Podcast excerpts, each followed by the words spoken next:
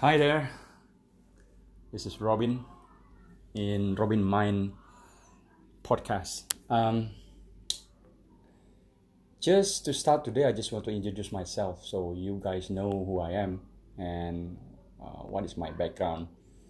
So, I was born around 46 years ago, so you know when what the year I I born.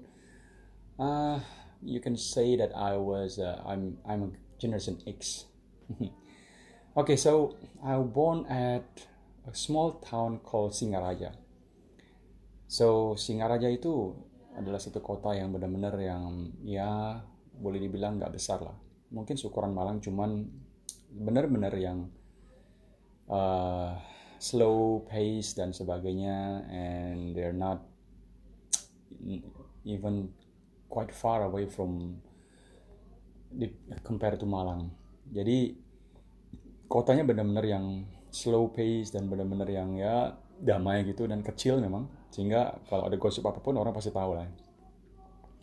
Saya lahir di dalam satu keluarga yang kebetulan uh, my father is an entrepreneur. Uh, tapi walaupun dia entrepreneur, dia kebetulan aku tahu dia hanya tamat SMP atau SMA kalau nggak salah terakhir. Karena kebetulan beliau lahir di tahun 47 mengalami uh, masa-masa uh, susah di zaman uh, kemerdekaan juga juga masa-masa uh, dulu ada namanya apa namanya gerakan 30 September PKI itu. Karena kebetulan he's a Chinese and I'm Chinese as well but he already become a national Indonesian citizens ever since he arrived ever since he born in in in, in Indonesia. Jadi dia dulu tinggal di Surabaya kemudian pindah ke Bali karena untuk untuk mencari uh, keamanan dulu bersama keluarga. Di sana beliau di Singaraja beliau membangun kehidupannya, bikin bisnis uh, dari bisnis macam-macam lah, dia kerjaan macam-macam sampai akhirnya beliau berhasil membuka satu toko. Tokonya toko buku dan percetakan sampai dari kecil dibuat besar the one thing that I really salute and really really admire from him is that even though he only had a limited education, but he never stopped to educate himself. He uh, he frequently read newspaper, magazines, just to educate himself, and he became successful. And I uh, is the first I'm I'm a first born son. Uh, jadi aku anak pertama di dalam keluarga. Uh, aku dua bersaudara. Uh, adikku perempuan. Uh, kita hanya berjarak dua tahun.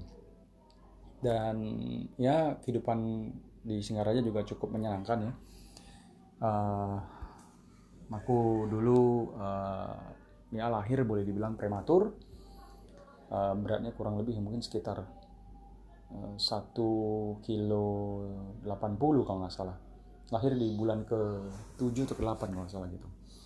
Jadi kalau bokap nyokap atau papa mama cerita ya aku dulu sering kali dimasukkan ke semacam apa namanya dulu inkubator lah gitu namanya. Kayak kayak anak uh, kayak anak ayam gitu. Jadi dibuatkan satu khusus kotak gitu ya yang ada lampunya dipanaskan karena memang aku butuh suhu lebih uh, hangat gitu.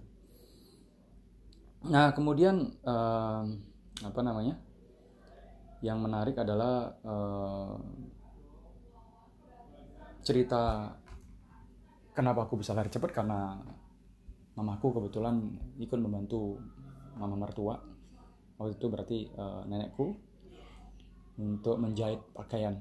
Nah, uh, because at that point I run around 70 in 1970 74 the embroidery machine is is is manual. Uh, embroidery device is still manual operate. Maka jadi dia memakai kaki untuk mengayuh itu. Akhirnya ya lahir lebih cepat dibanding sebelumnya. I was born on August. Uh, it's a bit uh, earlier than expected actually tapi ya cukup menarik. Jadi uh, masa kecilku juga dimulai dengan cukup indah dan aku menjadi kesayangan kakek dan nenek juga. Uh, ya pokoknya cukup menyenangkan lah. Dan selama di Singaraja itu benar-benar menarik karena ya aku tumbuh besar di sana dari dari kota yang uh, biasa sampai yang kemudian lama-lama ya cukup berkembang walaupun agak lambat. Aku masih ingat hmm, dulu waktu kecil sering bermain-main di rumah. Nah itu rumah sewa sih. Dan aku juga uh, melihat begitu banyak apa namanya uh, apa namanya aku ngelihat begitu banyak hal-hal yang terjadi dalam rumah kebetulan di rumahku dulu itu uh, kakak dari saudara dari papaku tinggal di sana juga bersama istrinya. Tapi yang terjadi adalah uh, itu adalah bukan ide yang baik karena istri dari kakak almarhum kakak ya almarhum saudara papa papa saya papaku yang kemudian beliau sudah meninggal lama tahun 2000 berapa gitu.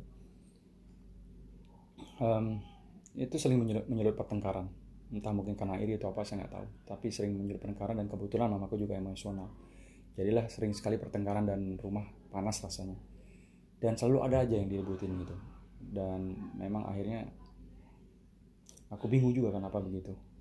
Uh, satu hal yang aku lihat juga adalah uh, karakter dari mamaku yang memang keras dan memang juga karena hidupnya dulu di, di masa lalu begitu keras juga ya. Sehingga menyebabkan beliau banyak sekali mengalami trauma di dalam hidupnya sehingga kadang-kadang beliau sampai sering gampang memendam kebencian pada orang ya tapi saya mencintai ibu saya pun dia adalah manusia. Dan yang uh, pasti uh, beliau ibu saya orang yang sangat tough gitu ya. very tough woman. And she is very very diligent in terms of money. And he really really know how to save money. And because of that eventually uh, later many many years later i found out because of my mother's uh, my mother uh, good money management we can save a lot of money and we can buy some property in Surabaya. Thanks to her. Ya uh, di balik kekurangannya emosinya tapi beliau adalah orang yang uh, jujur baik dan memang sangat sangat tegas gitu. Tapi memang di satu sisi karakter beliau yang meledak itu terbawa ke saya karena itulah yang gambaran saya lihat di dalam uh, keseharian. Sehingga saya mengcopy itu tanpa sadar hingga saya sering cukup emosi kepada orang-orang. Ya kadang-kadang gampang tersulut emosi dan ya yang banyak merugikan saya. Uh, setelah saya besar juga saya baru tahu uh, itu terbawa dan kadang-kadang membuat saya sering melakukan keputusan-keputusan emosional.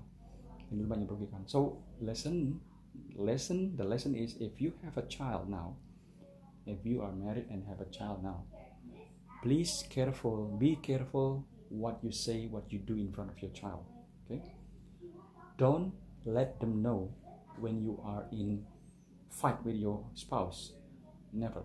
Don't do it in front of your kids if you want to fight just do it in a, in, in in room and finish it and then after you and never never go out out of the room without finish your fight okay? karena anak kita anak-anak lo akan mengcopy semua itu. Yang mana nanti itu akan jadi satu trauma buat mereka juga dan itu akan kebawa. Karena saya berkaca dari anak saya sendiri yang pertama dia pernah melihat saya marah dan dia terkopi dia sampai sekarang.